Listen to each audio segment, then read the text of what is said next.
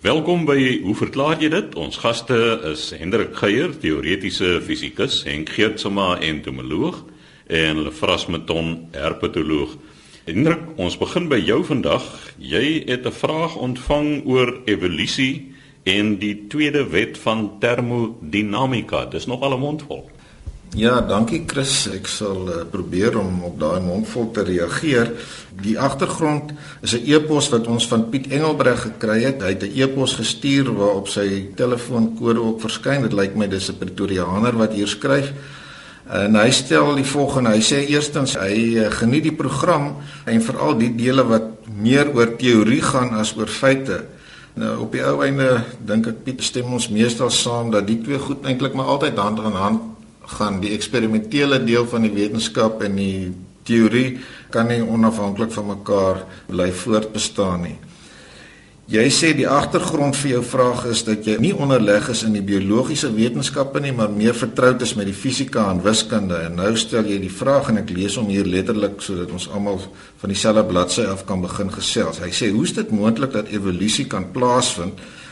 byvoorbeeld van een lewende gesel na organismes en dis meer en nog erger lewe kan ontstaan nou ook genoem abiogenese in stryd met die tweede wet van termodinamika en dan meer spesifiek entropie in die heelal en ook op die aarde. Dan sê hy dis vir my nog erger aangesien die aarde nie 'n geslote entiteit is nie maar nog blootgestel word aan eksterne energie. Nou ek dink ek gaan verskillende elemente in hierdie vraag afsonderlik eers net aan die orde stel, Chris, maar net 'n algemene stelling aan die begin dat die raamwerk van evolusie niks sê oor die ontstaan van lewe nie. My kort opsomming van evolusie is dat dit te maak het met die natuurlike seleksie wat deur omgewingsfaktore beïnvloed word en inspel op natuurlike mutasies in die genoom van individue. So dis die die wisselwerking tussen mutasies in die genoom van individue en natuurlike seleksie druk wat omgewingsfaktore insluit. So evolusie sê nie iets oor die ontstaan van lewe nie. Dit is wel so dat aspekte wat te maak het met natuurlike seleksie deur baie wetenskaplikes ingespan word of hulle probeer dit in elk geval doen om juis soortgelyke argument op nie lewende molekules van toepassing te maak om te probeer verstaan hoe daardie stap van nie lewe na lewe kon plaasvind het. Maar ek loop die storie nou vooruit. Die beginpunt is om net te sê evolusie self die raamwerk waarbinne daardie verstaan van hoekom lewe lyk soos wat dit lyk en ons dit op die oomblik waarneem, sê niks oor hoe dit in die eerste plek ontstaan het nie. Dit beskryf die verloop verder. Nou die kwessie van abiogenese, soos ons pas gesê het, dit is nou die studieveld wat homself besig hou met die verduideliking van hoe die oorgang van nie lewe na lewe kon plaasgevind het. Is 'n wye studieveld en heelwat hiervan word teruggevoer na uh, klassieke eksperiment hier in die 1950s. Ek dink ook al waarskynlik hier genoem.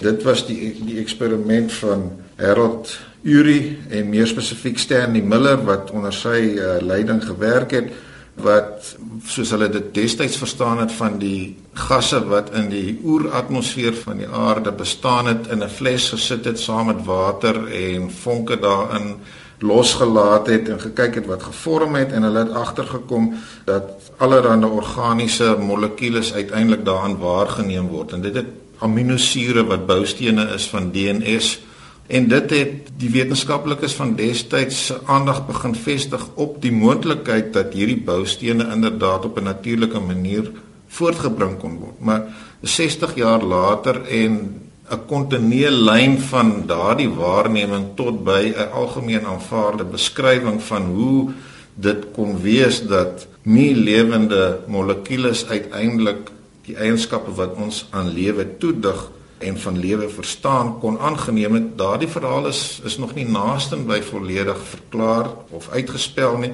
En dis hoekom dit steeds 'n aktiewe navorsingsveld is Nou die derde ding wat jy hier aan die orde stel, is eintlik die kruks van die saak. Jy sê dis vir jou nog erger omdat die aarde nie 'n geslote entiteit is nie en dus dat die tweede wet van termodinamika nie daarop van toepassing gemaak kan word nie. Ek sou sê dis presies deel van hoekom die argument dat die tweede wet van termodinamika in stryd is met evolusie of eintlik andersom gestel soos wat dit gewoonlik gepropageer word deur mense wat 'n baie eng kreasionistiese verduideliking van hoekom lewe hoegenaamd bestaan wil gee wat dan argumenteer en sê maar daar is iets soos die tweede wet van termodinamika evolusie is teenstrydig daarmee dus kan evolusie nie waar wees nie dis die kort argument so daardie argument is eenvoudig vals omdat evolusie nie in stryd is met die tweede wet van termodinamika. Nou moet ons sekere slag sê, wat is die tweede wet van termodinamika?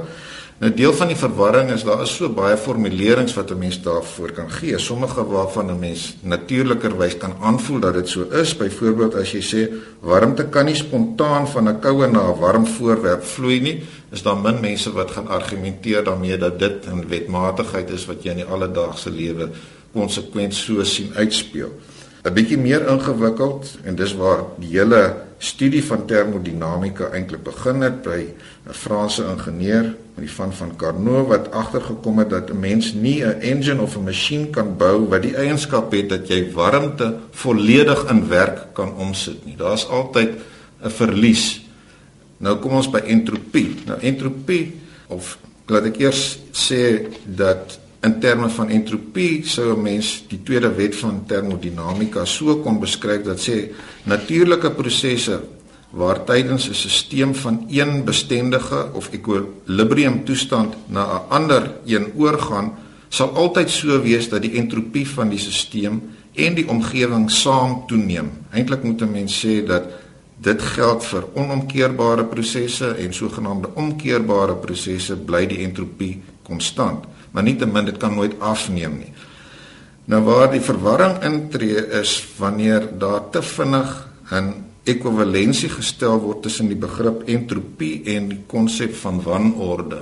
Dit is so dat entropie met wanorde te maak kan hê, maar die twee goed is nie volledig ekwivalent nie. En in die spreektaal word hierdie goed uiteindelik verwar en word argumente gebou op hierdie waninterpretasie wat dan lei tot stellings wat klaarblyklik die tweede wet van termodinamika opvorder om evolusie verkeerd te bewys. So eintlik het entropie te maak met wat 'n mens noem die aantal mikrotoestande van 'n stelsel wat so is dat dieselfde makro-eienskappe nog behoue bly.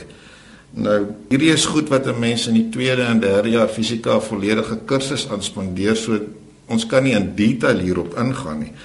Maar om 'n verdere gevoel te gee vir watter soort argumente tipies hierop gebou word, wil ek aanhaal en ek dink hierdie het waarskynlik ook al 'n slag of wat hierna verwys die sogenaamde orkaan in die skrootwerf argument. Dit is 'n beroemde of miskien berugte stelling wat Fred Hoyle, 'n bekende Britse astrofisikus in 'n boek The Intelligent Universe gemaak het en waar hy min of meer beskryf dat as jy in 'n skrootwerf al die stukkies van 'n Boeing 747 sien rond lê en 'n orkaan daardeur sou waai, dan moet jy nie verwag om na die tyd 'n uh, volledig aan mekaar gesitte 747 te kry wat in staat is om te vlieg nie. Hy het so ver gegaan as om te sê die kanse dat dit sou gebeur is weglaatbaar selfs as jy die proses deur genoeg skrootwerwe laat plaasvind wat die hele heelal sou beslaan. Nou dis eintlik 'n strooipop wat hier opgestel word en terloops sover ek kon agterkom is hierdie selfde soort argument in die mondelinge getuienis wat ene Chandra Wickramasinghe gelewer het in daardie bekende Arkansas hofsaak in 1981 waar die kwessie van die onderrig van sogenaamde kreasionistiese wetenskap in skole ter sprake was. Hy het ook hierdie argument na vore gebring miskien nie so seer om evolusie self te diskrediteer nie, maar eintlik die oorgang van nie lewe na lewe. Hoe jy ook al daarna kyk, is hierdie 'n strooipop argument. 'n Nader beskrywing van wat in evolusie plaasvind as jy nou met dieselfde beelde sou werk is om te sê na hierdie orkaan deur 'n miljoen sulke skrootwerwe gewaai het, gaan kyk jy in watter skrootwerwe was daar iets wat lyk so stukkies van 'n bouing wat weer bymekaar uitgekom het. En as jy sulke goed gekry het, dan maak jy miljoene kopieë van daai en jy laat weer miljoene orkane daardeur waai en dan kyk jy weer in watter van hulle het daar dalk nou 'n bietjie meer struktuur na vore gekom en dis meer en dis meer. So dit is eenvoudig net 'n wan voorstelling dat evolusie werk soos 'n enkele orkaan wat deur 'n skrootwerf waai en jy dan agterna verwag om struktuur daar uit te kry. So my kort antwoord Piet is dat 'n mens moet versigtig wees om entropie en wanorde onmiddellik aan mekaar te koppel. Dit help 'n mens om te dink oor waaroor die tweede wet van termodinamika praat, maar dan 'n sleutelelement is dat daardie wet is van toepassing op geslote stelsels wat as subsisteme dinge het wat in wisselwerking met mekaar kan wees en dit is net oor die geheel waar die stelling van toepassing is dat die totale entropie altyd sal toeneem. So die aarde is beslis nie geslote nie. Die son voeg energie toe tot die aardstelsel en ons hoef maar net te kyk na ander natuurlike prosesse soos die vorm van sneeuvlokkies. 'n Sneeuvlokkie met sy seskantige simmetrie verteenwoordig as ons nou die woorde wil gebruik 'n laer vorm van wanorde of 'n groter vorm van orde vergeleke met die kristalletjies waaruit dit oorspronklik besig is om te vorm en dis 'n natuurlike proses en so kan 'n mens talle ander voorbeelde noem en dit is beslis ook nie in stryd met die tweede wet van termodinamika nie. So om die tweede wet van termodinamika vir hierdie argument om evolusie te diskrediteer te wil inspann is eenvoudig net ongegrond. So sê Hendrik Geier, teoretiese fisikus, Lefras, iemand wil weet of 'n wyfie duif in 'n mannetjie kan verander. Ja, Chris, Dani Oosthuizen van Somerset West, hy's 'n duiweboer en hy sê iemand het hom vertel dat wyfie duif kan 'n mannetjie duif verander. Hy wil weet, is dit net 'n wolle storie? Indien nie, hoe is dit moontlik? Nou, Dani, ja, ons moet seker daar by die begin begin en net sê dat by voëls is geslagsbepaling is geneties. Met ander woorde dit word deur die geslagskromosome bepaal. So dit is as bevrugting plaasgevind het dan is die embrio 'n mannetjie of 'n wyfie. Hy kan nie daarna verander nie. Dit is die eerste belangrike punt. Ons moet nou na duwe kyk. Duwe is baie interessant. Kyk ons weet by die meeste werweldiere is die geslagsstelsel spesifiek is bilateraal simmetries. Met ander woorde daar's twee van elk van die meeste strukture. Met ander woorde ovarium aan die linkerkant en ovarium aan die regterkant. Twee testes links en regs. Nou by voëls dan spesifiek vlugvoëls of die meeste van hulle kry ons die interessante verskynsel dat daar net 'n linker ovarium is en 'n linker oviduk By die mannetjies het jy nou twee testes, een aan elke kant, maar by die wyfies net aan die een kant. Die gedagte is dat dit te doen het met vlug, want vir wyfie om te vlieg met twee eiers op 'n slag, groot eiers, dit gaan vlug belemmer, so daar's altyd maar net die een eier wat 'n kort tydjie in die ovituk bly voordat gelê word. Nou ons moet gaan kyk na hoe ontwikkel die geslagsstelsel net na bevrugting in die eier wanneer die ma en die pa nou broei op die eier dan begin die embrionale ontwikkeling en redelik vroeg word daar weefsel primordiale kiemselle kan ons dit nou noem aangelê links en regs ons praat nou van die wyfie daar waar die ovaria moet ontwikkel. En baie interessant daar die eerste weefsel wat neergelê word tydens embriologiese ontwikkeling is endotestis weefsel Dit is by die mannetjies en by die wyfies so. Met ander woorde, dit gee 'n klaar idee hierso is die vermoë is daar om testes te ontwikkel op 'n latere stadium. Dan later in die ontwikkeling word daar nou die selle neergelê wat dan nou uiteindelik lei tot die ontwikkeling van die regte ovarium. Dit is nou net aan die linkerkant wat die ovarium ontwikkel. Aan die regterkant sit daar die aanlage of daardie kiemweefsel is daar en dit kan aangeskakel word op een of ander stadium en dan gaan dit in 'n testis ontwikkel. En nou gebeur dit baie by ouer duwe, gewoonlik ouer wyfies of henne, soos die mense van duwe praat, dat daardie ovarium word beskadig. het sy die bakteriese infeksie of virusinfeksie of cyst, 'n groeisel, iets of hy word net fisies beskadig en dat die ovarium nou nie meer kan funksioneer normaal nie.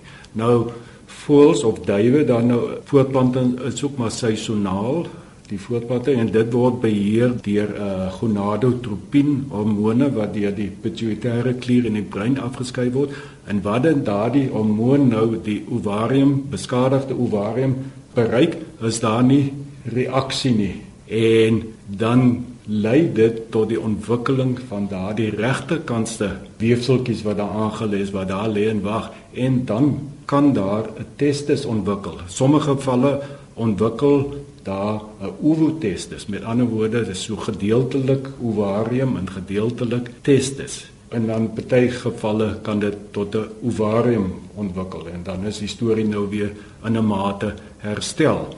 En natuurlik is dit 'n testis is wat ontwikkel, dan word daar nou testosteroon afgeskei deur daardie nuwe testisie wat gevorm word en Die testosteroon is natuurlik 'n baie sterk hormoon. Hy sal die estrogen se werking onderdruk en dit lei dan nou tot sekondêre geslagseienskappe van 'n mannetjie. So sal so 'n wyfie dan nou beginne pronk en agter ander wyfies aan en aggressief begin wees en ja, die gedrag sal lyk soos 'n mannetjie. En dan in uitsonderlike gevalle kan daardie testis wel dan ook sperm produseer.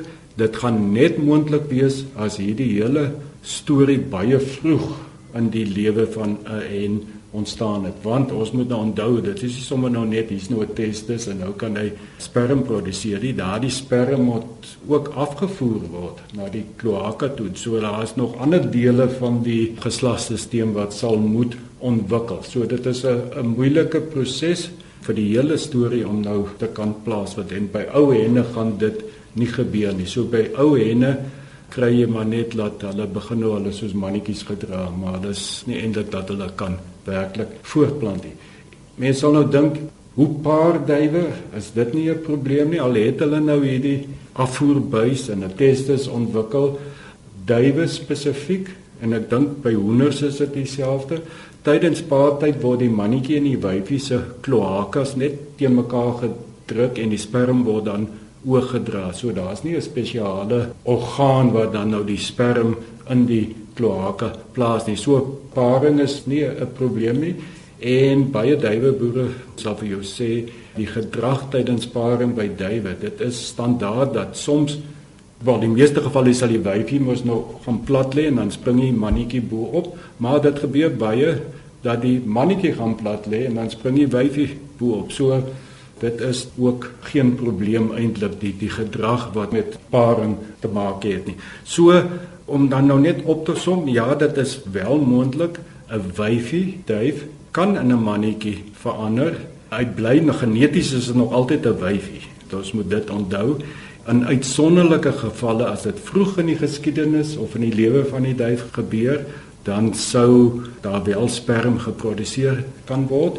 Ons moet dan ook nou onthou dat die teenoorgestelde is nie moontlik nie. 'n Mannetjie kan nooit in 'n wyfie duif verander nie. En alles het te doen met dat die wyfie net een ovarium en dat daar aan die regterkant is daar daardie weefsel met die potensiaal om 'n testis te vorm teenwoordig. By die mannetjie is daar klaar 'n testis aan elke kant. Dit kan nie nou skielik in 'n ovarium verander nie. Dit is nie algemeen nie. Ek het dit self nog nooit waargeneem by my nie en ek weet nie van ander mense wat dit al waargeneem het nie. Maar in die literatuur, daar is heelwat gevalle en ook by hoenders weet ek, is dit ook al baie waargeneem. Ja, Lefras, ek wou jy sê toe ek nou nog hier in die laerskool was, het ons mense geken die tannie het lê en aangehou. Sy wou nie aan aanhou nie want hy vreet net 'n klomp kos en hy lê nie eiers nie. Maar dit het daar gebeur dat van die henne later soos hulle ouer geword het begin kraai het. Nou ek het nooit die gedrag van die hoenders bestudeer nie. Maar sou hulle ook dieselfde proses deurgaan waar hulle dan nou volledig in 'n haan verander op die ou end. Kyk, jy sê dit is die ou henne, so ek dink weens ouderdom raak daardie ovarium is nou disfunksioneel as ek dit so kan noem en dan lei die hormone na tot die ontwikkeling van 'n testis en dan begin hierdie manlike gedrag. So ja, hulle sal kraai en dalk die kam sal nou begin regop staan, hulle sal aggressief raak, maar ek dink nie hulle gaan kan nageslag voortbring nie, nie op daai ouderdom nie. Soos ek net gesê het, moet 'n redelike jong hen wees wat daardie probleem ontwikkel. Laaste aan die beurt vandag is Henk Geertsma, ons entomoloog en Henk jy gesels oor 'n hele paar onderwerpe. Eerstens is daar 'n vraag oor onbekende motte, spinnekoppe en perdebye.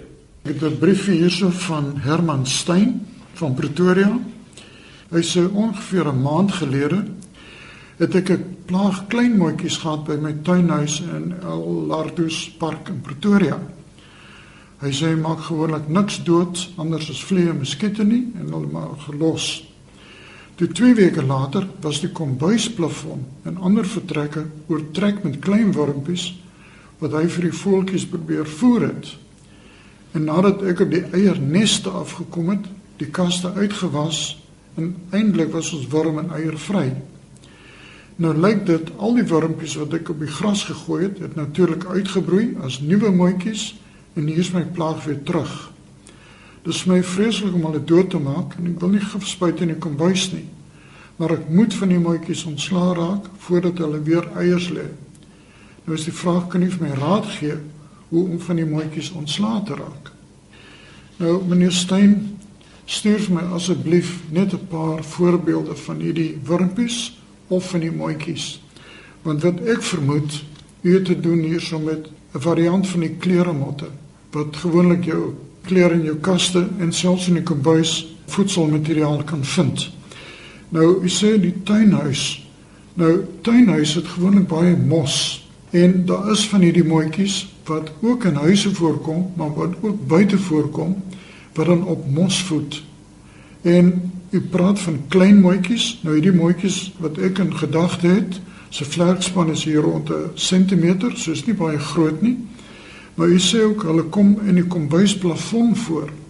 Nou baie van die kleermotte wat byvoorbeeld op woltapyte voed, as hulle volwasse is, met ander woorde, gereed om te verpop, kruip hulle teen die mure uit om dan teen die kroonluis of teen die plafon te verpop. En dit mag wees dat ons te doen het met hierdie, maar ek dink om 'n 100% akkurate antwoord op die vraag te gee, stuur my asseblief of van RSG Chris Swanepoel stuur vir ons net 'n paar mooitjies. Plak dit sommer vas met 'n uh, kleefband op 'n stukkie karton en sal ons vir u 'n beter antwoord kan gee. Ek het hierso 'n brief gekry van Jan Netling van Mighty Creek. Hy het drie vrae en hy skryf nou in hierdie e-pos taal. So ek lees maar. Hy sê spinnekop het hom nou die dag gebyt nou lê hy 'n paar dae in die bed met die oop vensters vlieg daar onder andere brommers in sy kamer wat glad nie goed vir hoofpyn en seerlyf is nie. So vertoorn hy hom vir 'n brommer, hy slaan hom met 'n plak met die vlieg hou aanvlieg en dan ruk uit by die venster. Toe kom nou weer 'n volgende een binne in. So hulle kom kuier gereeld vir hom. Toe sê hy toe en swaai, skakel hy sy brom ook af. Waarom brom brommers dan as dit nie nodig is nie? Dit sal sosiaal baie meer aanvaarbaar maak. Nou die geluid wat vliee maak of dit nou 'n muskiet is of 'n brommer is afkomstig van die vlerkbeweging. En natuurlik die spoed van die vlerkbeweging bepaal die toonhoogte van die geluid. Met ander woorde, as die brommer vlug vir die plak van meneer Nedling, dan sal hy maklik wegkom en hy vlieg baie vinniger en jy hoor die bromgeluid van die vlerke wat rondslaan. So ons kan niks daaraan doen nie en ook nie meer sosiaal aanvaarbaar maak nie. Nou sê die tweede vraag handel oor vlermuise. Nou sê die kleintjies wat in die skemer muskiete en goggas vang. En hulle wil weet wat se siektes kry hulle. Maar hy het van jare het maklik meer as 22 dooies op die grasberg gekry. En hy sê wat eienaardig is dat hulle dikwels in groepe van tot 5 dood lê Hulle kom uit die lug uit, dood op 'n hoop. Hy het al die dooies ondersoek, hulle lyk heeltemal reg en hier's genoeg muskiete so dit kan nie van honger wees nie. Met ander woorde, die probleem is hy kry groepe van dooie vlermuise op die grasperk tot 20 het hy al gekry. Nou my eerste reaksie is natuurlik het die vleermuise dalk nie insek middelbesmette insekte ingekry nie. Dit is moontlik. Jy weet selfs vleiende motte en so aan as hulle net 'n wat ons noem 'n subletale dosis insektemiddel kry, dan is hulle nog steeds in staat om te vlieg. En natuurlik 'n vleiende insek, veral in die nag, sal vir 'n vleermuis aanvaarbaar wees. So dit mag wees deur 'n aantal van hierdie subletale besmette motte in te neem dat hulle wel 'n dodelike dosis van insekgif kan inkry. Maar ek het geen antwoord op hierdie vraag nie.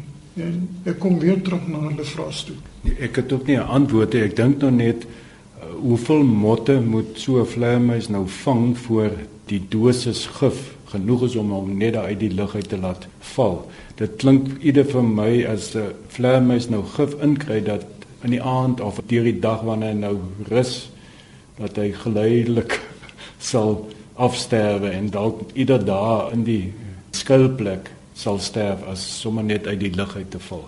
Ek het nie antwoord hierop nie en dit lyk vir my ons brand 'n bietjie vas hierso.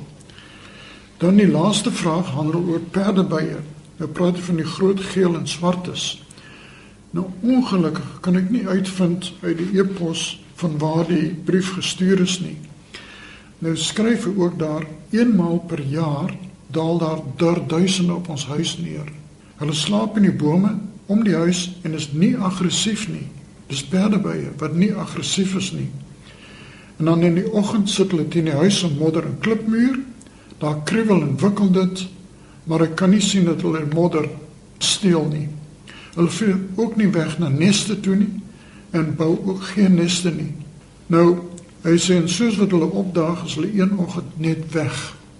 Meneer Netling, dit klink vir my nou 'n baie interessante vraag maar ek kan ongelukkig geen antwoord gee nie voordat ek nie of 'n foto of voorbeelde van hierdie besondere perdeby kan kry nie. Maar dit is baie interessant. Ek hou van die waarneming, maar stuur asseblief vir ons of 'n foto of 'n voorbeeld van hierdie perdebye. Dan kan ons hopelik 'n bietjie meer inligting vir u gee. Chris, hier's nou nog 'n terugvoering wat ons gekry het van David van Sail. Ons het so 'n klompie programme gelede oor verkleemannetjies gesels en oor kleintjies en oor al die vyande, die laksman en ons het toegenoem dat die groot reënspinnekop definitief ook die baba verkleemannetjies sal vang. Nou David van Sail en sy vrou het ook dan nou verkleemannetjies gehad, lyk my nie meer nie in hulle tuin en hulle het waargeneem dat die bidspringkane ook hulle tol eis onder die klein verkleemmannetjies. Ek het toe dan genoem hierdie verkleemmannetjies, Kaapse dwergverkleemmannetjie is gerad teen predasie. Hulle produseer 'n groot klomp kleintjies in 'n jaar. Hulle teel dwars deur die jaar en kan seker tot so 36 kleintjies produseer en hierdie predatore speel eintlik 'n belangrike rol om die getal verkleemmannetjies in stand te hou. Maar lyk my in die geval en hulle tuin die skade weer dalk en van struike wat te groot word en dalk gifstowwe is nog op ys ook hulle tol. So gesels Lefras Maton, ons herpetoloog en Henk Geertsma entomoloog. Die tyd het ons weer ingehaal. Skryf gerus aan, hoe verklaar jy dit? Posbus 2551 Kaapstad 8000 of stuur 'n e-pos aan chris@rsg.co.za.